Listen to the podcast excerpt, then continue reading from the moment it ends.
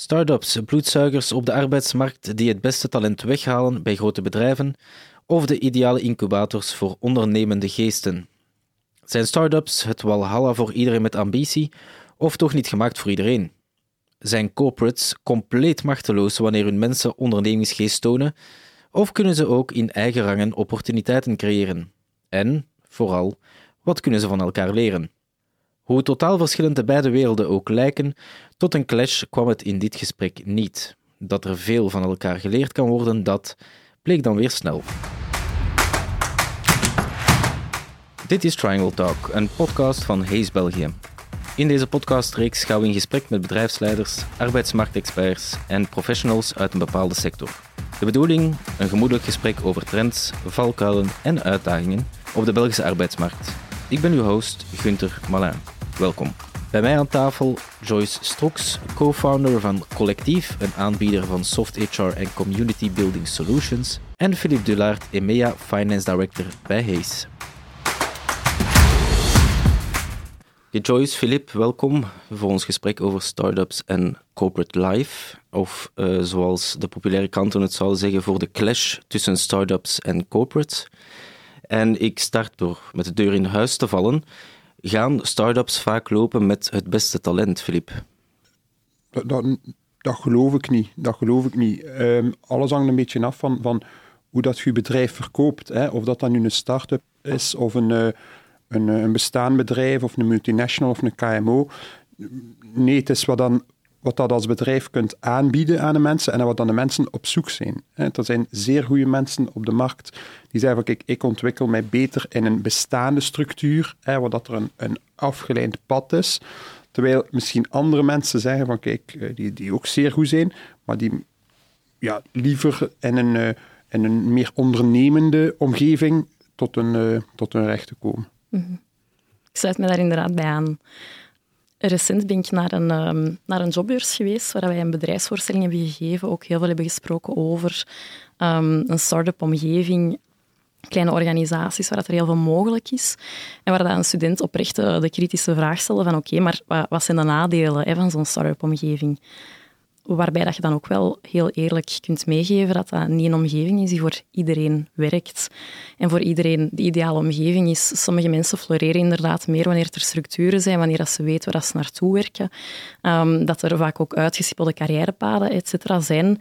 Die zijn er niet altijd in iedere start-up. Een start-up omgeving komt ook weliswaar af en toe met een beetje chaos kijken. Uh, soms stellen mijn collega's mij ook een vraag waar ik nog geen kant-en-klaar antwoord op heb.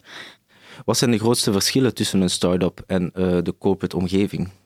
In, in, een corporate omgeving, zeker in, in, in, bedrijven die al een tijdje bestaan, is er vaak een, een, vast traject. Je krijgt een vaste job die goed afgeleid is. Je begint bij dat bedrijf, je solliciteert, je krijgt een vacature, je weet noemenswaardig wat dat je ongeveer moet doen.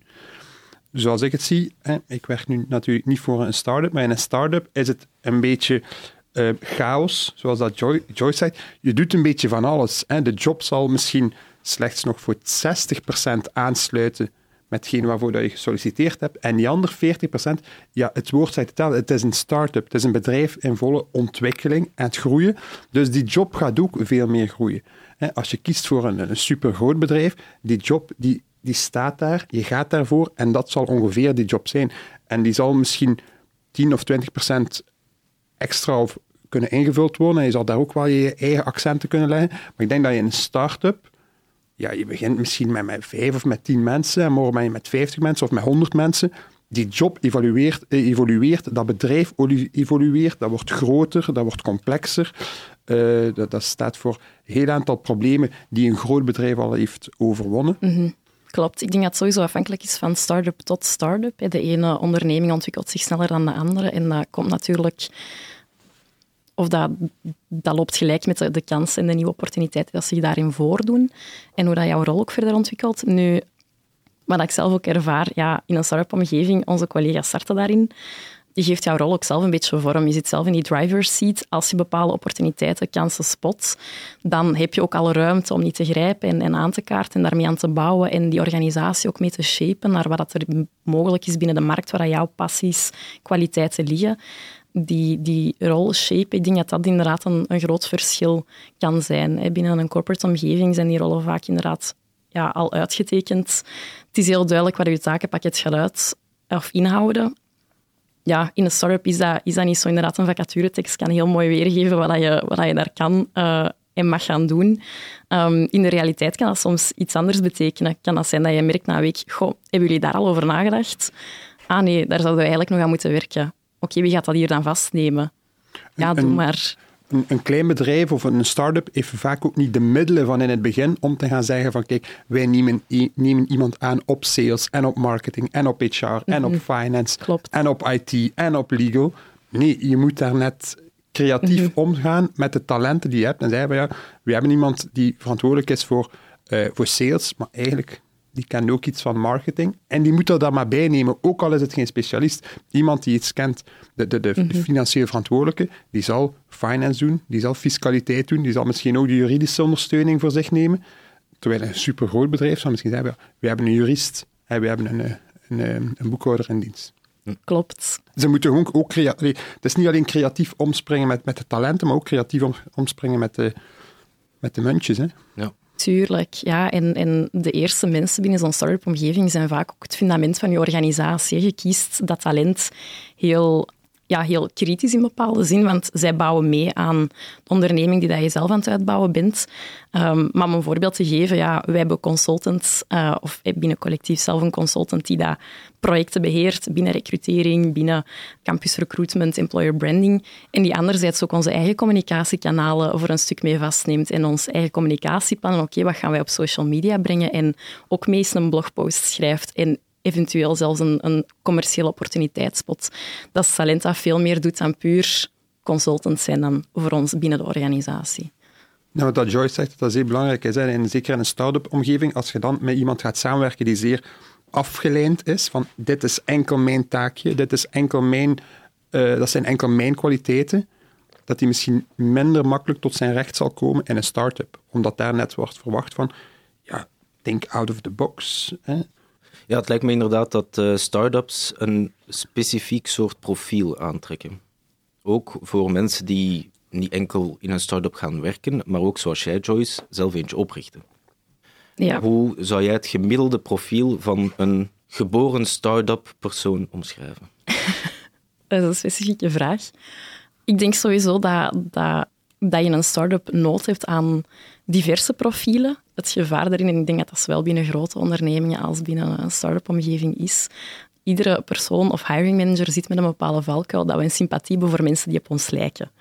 En ik denk dat het belangrijk is, zeker ook in een start-up, omdat je met een beperkt team aan de slag gaat, om daar kritisch op te zijn en niet altijd voor een persoon te kiezen die het meest op jou lijkt, maar soms ook echt voor mensen gaan die complementair kunnen zijn niet iedereen binnen een start-up-omgeving hoeft per se een ondernemer te zijn. Maar het ondernemende karakter van de onderneming vraagt wel dat mensen daar mee op die kar kunnen springen en daar even enthousiast van kunnen worden. Um, je hebt trekkers binnen de onderneming nodig, maar ook zeker mensen die dat heel graag die ondersteuning willen bieden en, en ermee de schouders onder willen zetten, maar dan eerder achter de schermen. dus ik denk dat daar de, de juiste balans zoeken, zeker ook binnen een start-up-omgeving, dat een hele belangrijke is. Het zijn ook grote voordelen aan werken binnen een grote, grote structuur. Je hebt dat afgeleide pad. Je weet wat je taken zijn.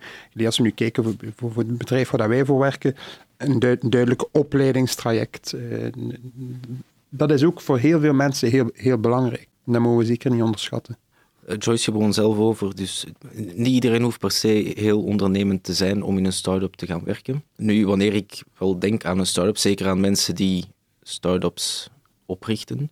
Dat lijken me enorm ondernemende mensen. Want het is ook wel op zich wel een risico dat je neemt. Uh, je gaat uit die duidelijk omlijnde corporate structuur, waar heel veel veiligheidsmechanismen zijn, bij wijze van spreken.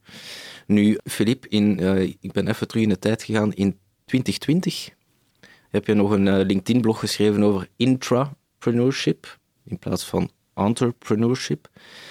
Kan je die term of dat concept even toelichten? Entrepreneurship, het woord zegt hetzelfde, dat is vertaling van ondernemerschap. Hè. Dus wat Joyce doet, dat is het beste voorbeeld. Hè. Je onderneemt iets vaak zelfstandig, extern.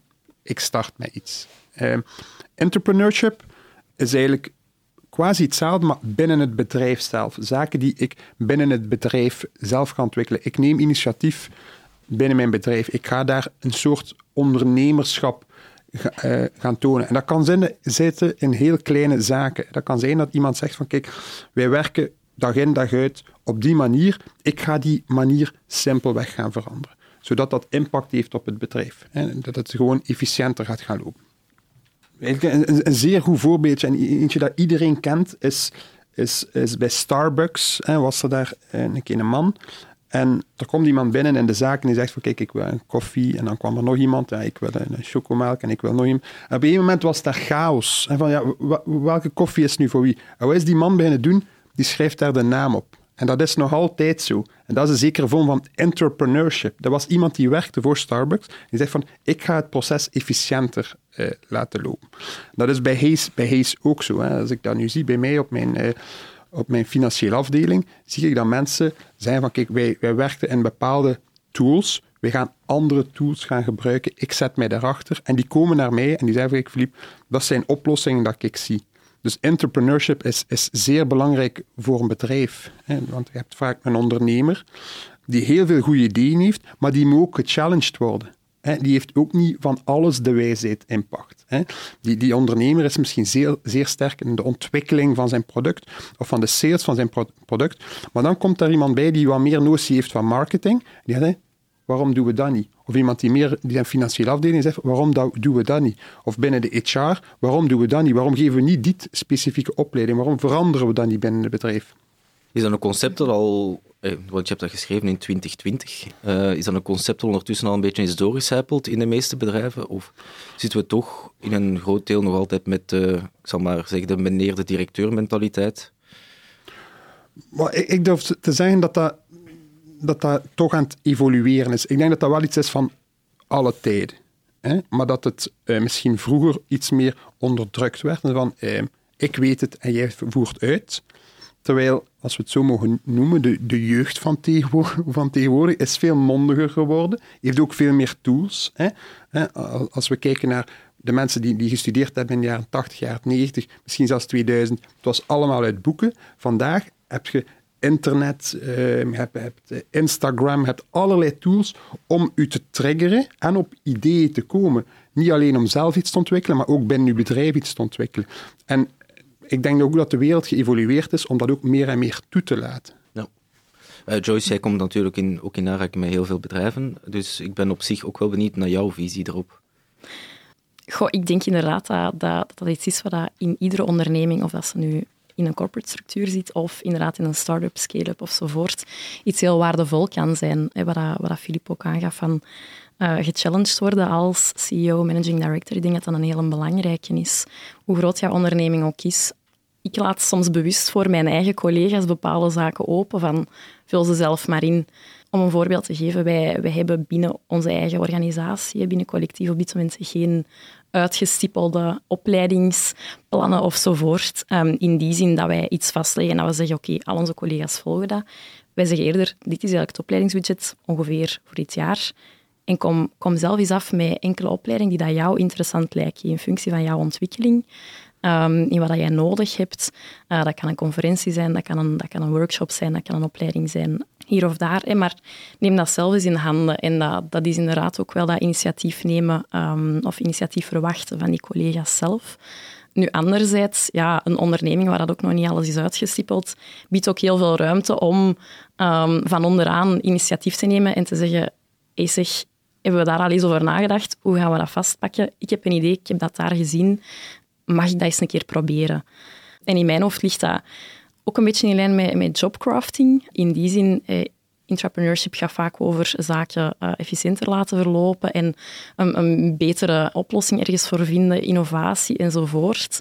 Nu, waar dat jobcrafting eigenlijk betekent dat je je eigen rol gaat vormgeven naar wat dat voor jou aangenaam voelt. Hè. Een voorbeeld te geven, een van onze administratieve collega's, die, uh, die stuurt uh, iedere maand een, gedicht om aan te geven dat het weer tijd is om onze timesheets in te vullen. Um, de collega's zijn dan op termijn ja, gaan waarderen. Maar zij doet dat om in plaats van zo aan de mouw komen trekken van hey, breng jullie dat in orde? Daar eigenlijk voor haar een aangename activiteit van te maken. Dat is um, haar rol vormgeven naar wat dat voor haar fijn aanvoelt. Anderzijds ook weer een vorm van ja, intrapreneurship in een heel, een heel klein praktisch voorbeeld. Ik blijf nog even hangen bij dat intrapreneurship, omdat dat, als je die cultuur creëert in je bedrijf, lijkt me dat een heel belangrijk uh, of een heel handige tool om het talent in jouw bedrijf te houden en te vermijden dat ze dan op eigen houtje een start-up gaan starten of daar gaan werken. Nu, die cultuur aanmoedigen, oké, maar kan het ook een optie zijn om dat echt te gaan formaliseren? Dus ik verwijs daar, daar, daarvoor naar Google, die de fameuze 20%-regel heeft, uh, waar uh, mensen 20% van hun werktijd mogen spenderen aan het uitwerken van een, een of ander innovatief project dat misschien volledig gaat mislukken. Is dat, een, is dat een tool om dat toch nog verder aan te moedigen? Of denk je, Filip, van uh, het moet toch vooral van de mensen zelf komen en het bedrijf moet niet per se gaan zeggen hoeveel tijd ze daaraan moeten spenderen? Ik ben daar eerlijk gezegd wel een voorstander van. En vooral dat ik voor Hayes werkte, heb ik voor een Big Four bedrijf gewerkt. En daar hebben we dat ook gehad, van die, van die workshops, of van, van die uh, denktanken, hè, waar je zegt, in je eigen tijd of samen gaan we een keer gaan nadenken van wat kunnen wij nu gaan, gaan anders doen. En ik denk dat dat, dat wel aanmoedigt om, om te komen met ideeën. Want entrepreneurship is, is, is zeer goed, maar niet iedereen is daarvoor geroepen. Hè. Zoals dat we daarnet ook zeiden, van, er zijn mensen die beter gedijen in een, in een eh, start-up omgeving, er zijn mensen die, die beter gedijen in een zeer afgebakende structuur als een groot bedrijf. Datzelfde met entrepreneurship. Er zijn mensen die zeggen van, ik doe mijn job zoals dat mee gevraagd wordt, hè, en zoals dat, dat gisteren gedaan wordt, werd, gaat dat morgen ook gedaan worden. Hè. Maar er zijn andere mensen die, die, daar wel de uitdaging door vinden. En door die een keer allemaal samen te zetten en te gaan denken, gaat misschien die persoon die uh, daar minder goed in gedeed, ook komen hey, waarom hebben we een keer niet aan dat gedacht? Of waarom hebben we een keer niet aan dat gedacht? En, en dus ik ben eigenlijk wel een fan om daar momenten voor te gaan creëren. Om nu te gaan zeggen, kijk, je mag 20% van je tijd daarvoor besteden. Dat denk ik nog een beetje af van bedrijf tot bedrijf. Hè. Het voorbeeld dat je geeft, Google, ja, dat is een bedrijf dat zich constant opnieuw moet zien uit te vinden. Hè. Dat, dat, is, dat, is, ja, dat is de, wereldspeler. Dat is een van de vier, vijf grootste bedrijven mm -hmm. ter wereld. Hè. Een kleiner bedrijf, een kleine KMO, gaan, als je aan die mensen zou zeggen, kijk, 20% van, u, van de tijd één dag per week mogen de mensen doen wat dan ze willen en ze mogen gewoon een keer gaan brainstormen en freewheelen. Die ondernemer gaat zeggen van, uh, niet met mij, ik, ik heb daar de, de, middelen niet voor. Dus je moet daar ergens een balans in vinden. Ja. Mm -hmm. Ik zet me daar inderdaad bij aan om creatieve en innovatieve ideeën uh, te gaan ontwikkelen, heb je ook tijd nodig. En, en dat, dat heet dan ja, deep work of die ruimte voor dat deep work, voor dat, dat dieper daarin gaan kruipen. En eigenlijk inderdaad ja, het eerste wat aan je opkomt, is eventjes op tafel te smijten. Oké, hoe, hoe, kijkt mijn collega daar tegenover? En is dat een realistisch idee? En, en inderdaad dat gesprek te openen. Dat heb je niet altijd van dag tot dag in, de, in de, de, werkomgeving. Ik denk dat heel veel mensen een hele drukke job hebben. Soms niet altijd de, de tijd of de ruimte om überhaupt stil te staan bij hey, kunnen wij dit anders aanpakken? Want die deadline is er en ik moet dat tegen dan afgewerkt krijgen. Um, dus ik denk dat dat zeker vast heel waardevol kan zijn uh, in iedere onderneming om daar af en toe tijd voor vrij te maken. Inderdaad, die 20%-regel hangt van de organisatie of dat, überhaupt een mogelijkheid is. Hè. Ik maak bewust om de x aantal tijd is een dag of een halve dag vrij, ook al is dat niet evident. Hè. En loopt mijn agenda over van de to-do's. Maar vooral om mezelf eens in vraag te gaan stellen van oké, de zaken die wij nu aanpakken, uh, een beetje A-B-testing, is dat de juiste manier? Moeten we het eens over een heel andere boeg gaan, gaan gooien en kijken wat dat, dat kan geven? Om, omdat je inderdaad ook je eigen valkuilen hebt. En de ene beslissing niet altijd de, de beste beslissing blijkt en er ook andere mogelijkheden zijn. Tijd maken, dat, dat is belangrijk. Zoals dat Joyce zei, mensen zitten in hun job, bij wijze van spreken, van 9 to 5. Ze zijn constant bezig en ze hebben de tijd niet om creatief te gaan nadenken. Ik heb dat bij, in mijn, mijn eigen job ook. Soms moet ik echt wel een keer, het is nu populair, disconnecten. Mm. En ik merk soms als ik s'avonds in de zetel zit, je zit naar iets aan het kijken of naar niets aan het kijken, maar gewoon aan het nadenken, nadenken, nadenken. En dan begint je, wat dat ik dan doe, ik begin e-mails te sturen naar mezelf. ik stuur ideeën door, dat ik zeg van, daar moet ik, gaan, nou, daar moet ik uh, over nadenken, dat moet ik opzoeken. En dan, ja, en dan moet dat, soms, sommige zaken moeten echt wel rijpen. Uh, moet daar soms ook gewoon met mensen durven over praten. Het is niet omdat iemand komt uh, binnen het bedrijf mijn idee, dat dat juiste idee is. Je moet dat ook durven challengen. Mm -hmm. Uh, en iemand zal dat misschien honderd en honderd van overtuigd zijn, maar dat denk, is misschien niet de juiste oplossing voor het bedrijf. Mhm. Ehm, dus sommige zaken moeten ook dur- durven rijpen. Ja. Eh, je moet daar durven over communiceren. Eh, hè, als ik daarnet zei, dat, dat, dat voorbeeld van Starbucks, hè, eh, ja, die persoon gaat daar misschien ook over gesproken hebben samen met zijn collega's. Waarom doe het zo niet? Misschien gaat er iemand gezegd hebben, slecht idee, en twee anderen, top idee, we gaan het een kans geven. En zouden ze er toen ook bewust voor gekozen hebben om de naam altijd fout te schrijven? Of was dat deel van het idee? Zover ben ik niet. Dat zal misschien een marketingstuntje geweest zijn. Filip, jij vermeldde daarnet al de jeugd van tegenwoordig. Dus een nieuwe generatie op de werkvloer. Eh, Een interview met Jobpad, met een, een andere collega van Hayes, eh, ging het onder andere over jobhopping.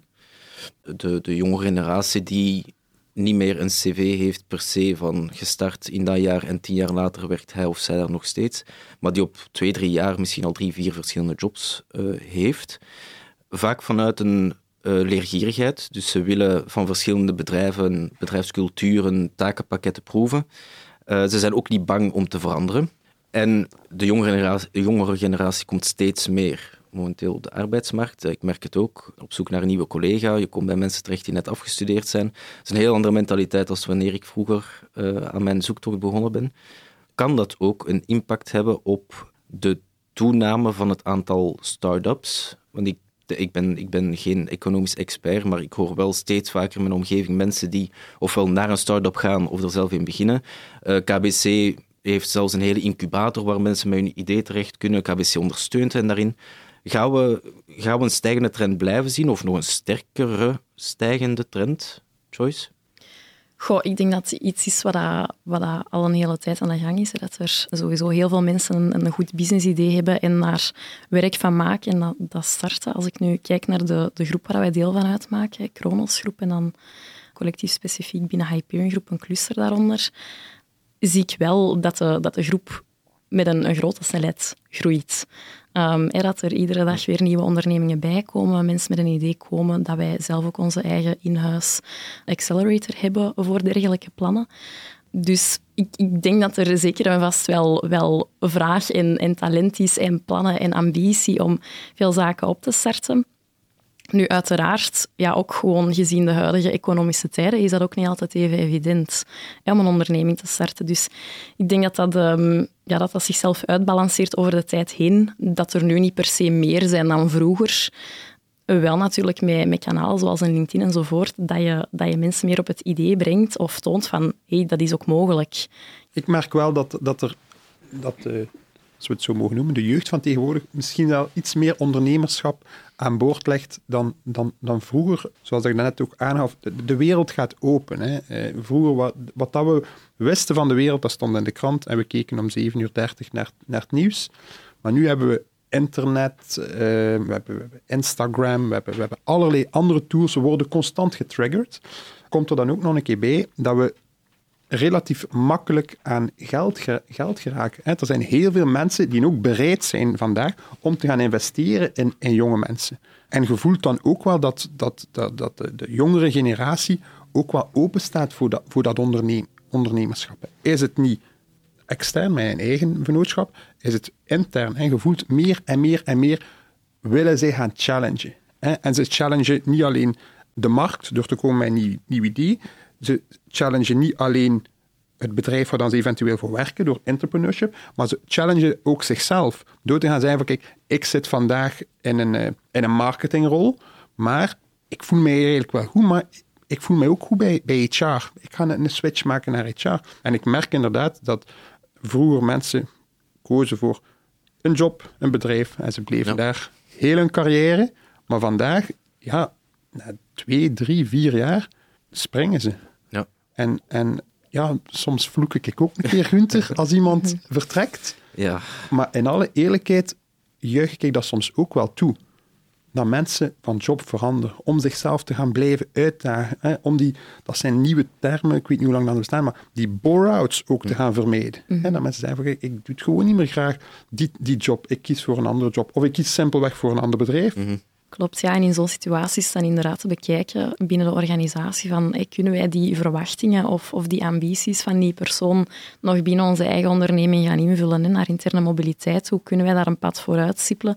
Dat is niet altijd mogelijk, hè, afhankelijk van waar dat die persoon naartoe wilt. Maar ik merk inderdaad dat dat ja, de tendens van jobhopping misschien, of gewoon in het algemeen het gegeven dat mensen kritisch naar hun taakinhoud in kijken, gaan kijken en, en doorhebben van oké, ik kan ook andere dingen doen en ik heb ook misschien nog andere interesses die ik verder wil ontdekken ergens op mijn, eh, op mijn professioneel pad.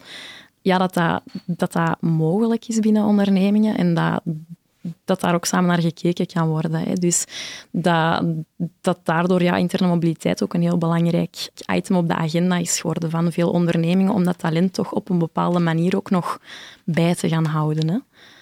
Ik denk dat dat superbelangrijk is, hè, die interne mobiliteit. Hè, um, Hunter, want die verloop is voor mij de grootste loonkost voor een bedrijf. Hè. Iedereen kijkt altijd naar de lonen en, en, en alle uh, benefits die erbij komen. Maar als je iemand een loon geeft en na een jaar is die persoon weg, is eigenlijk dat je grootste loonkost. Je hebt iemand opgeleid, je hebt die al de kansen gegeven, maar die persoon is gewoon op dat moment nog niet performant. En als die na een jaar of na twee jaar vertrekt, dan is, is dat pijnlijk. Want je gaat opnieuw iemand aanwerven en je kijkt zuiver naar de euro's en dan zeg je, oh ja, oké, mijn loonkost gaat niet omhoog. Je loonkost gaat wel omhoog, hè, want je hebt mhm. niet iemand die, die, die groeit. Mhm. En dan is interne mobiliteit super belangrijk, dat je mensen langer aan u kunt binden door ze op verschillende taken te zetten, verschillende jobs, eh, verschillende uitdagingen te geven. En daar ook misschien ja, een kritische noot naar een, naar een start-up omgeving. Ik denk dat interne mobiliteit en, en veel perspectieven daarin bieden, dat dat mogelijk iets makkelijker of evidenter kan zijn binnen een, corporate omgeving. Je hebt een grotere onderneming, je hebt daar verschillende departementen, mogelijkheden waar je met die persoon naartoe gaat kijken. Waar binnen een start-up, ja, stel je hebt vijf, tiental collega's, dan is dat heel moeilijk om te zeggen, oké, beste collega, wij gaan ineens door een andere boeg gooien en, en dit zijn uw mogelijkheden kan er dan wel eerlijk mee in gesprek gaan en kijken op welke termijn dat je, dat je die zaken wel kan aanbieden. Maar veel hangt daar ook af van de snelheid die jouw start-up of onderneming neemt in, in groeien. Oké, okay. ten slotte, wat kunnen jullie leren van elkaar? Binnen een start-up heb je echt wel dat, dat, dat, dat ondernemende en dat creatieve. En dat moeten wij, denk ik, als een, een grote onderneming blijven, blijven aanmoedigen. Wij, een, een grote onderneming en dan zetten daar heel veel ondernemingen tussen. Ik ga even inzoomen op, op een grote onderneming. is vaak zeer resultaatsgericht. De cijfers, de resultaten, de winsten, die, zaken zijn belangrijk. En het ondernemerschap, en dan bij ons dan het entrepreneurship, dat wordt aanvaard, maar dat is zoiets van de vrijdag tussen vier en zes. Hè? Op het einde van de week mogen met je ideeën komen. Hè? En ik denk dat is iets waar wij heel veel van kunnen leren, is, is, is echt dat ondernemerschap, initiatief nemen, creativiteit. Dat zijn zaken waar wij, wij echt wel eh, belang moeten aan hechten. Eén. Twee, dat wij ook mensen moeten durven inzetten op verschillende taken. wij, in een grote onderneming nemen wij mensen aan. We hebben consultants die doen sales, we hebben mensen die, die, die, die in boekhouding werken, we hebben mensen die in de HR of in de marketing werken maar vaak zijn het zeer afgeleide taken. En misschien moeten wij echt wel nog meer out of the box gaan beginnen denken. We gaan mensen opnieuw gaan inzetten en we gaan ze echt op hun talenten gaan, gaan inzetten. Want ook wij hebben eh, in het verleden al heel veel mensen verloren, dat we achteraf zijn van, ai, die hadden we daarvoor kunnen gebruiken. Ja, ik denk, ik denk wat aan een start-up kan, kan bijleren uh, of leren van een, een grote corporate omgeving is effectief ja, die, die ehm, structuren, uh, soms antwoord op uh, chaos die dat er heerst, uh, wanneer dat een vraag wordt gesteld en je daar niet meteen een antwoord op kan bieden of die zaken nog moet gaan uitzoeken of vormgeven. Dat is natuurlijk ook de, de schoonheid van een start-up in een bepaalde zin. Dus. En anderzijds natuurlijk, ja, een corporate kent heel veel talent dat inderdaad gespecialiseerd is in een bepaald gebied. Hè, waar in een start-up dat je dat je collega's vaak een beetje manusje van alles zijn en jezelf ook uiteraard als ondernemer, ja, merk je in zo'n corporate omgeving, je hebt daar een departement sales, je hebt daar een departement marketing enzovoort. Dat zijn echt specialisten in wat dat zij doen. En dus, dus dat is natuurlijk ook wel iets ja, wat dan een verschil geeft en wat dat dan ook een, een, een mogelijkheid is om naartoe te werken. Hè.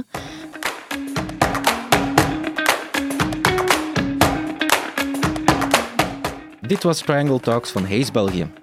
Om op de hoogte te blijven van nieuwe afleveringen, abonneer je even op deze podcast op jouw favoriete platform. Je kan ons ook volgen op LinkedIn of onze website bezoeken hees.be voor meer inzichten over de arbeidsmarkt en je carrière of, wie weet, om een nieuwe job te vinden.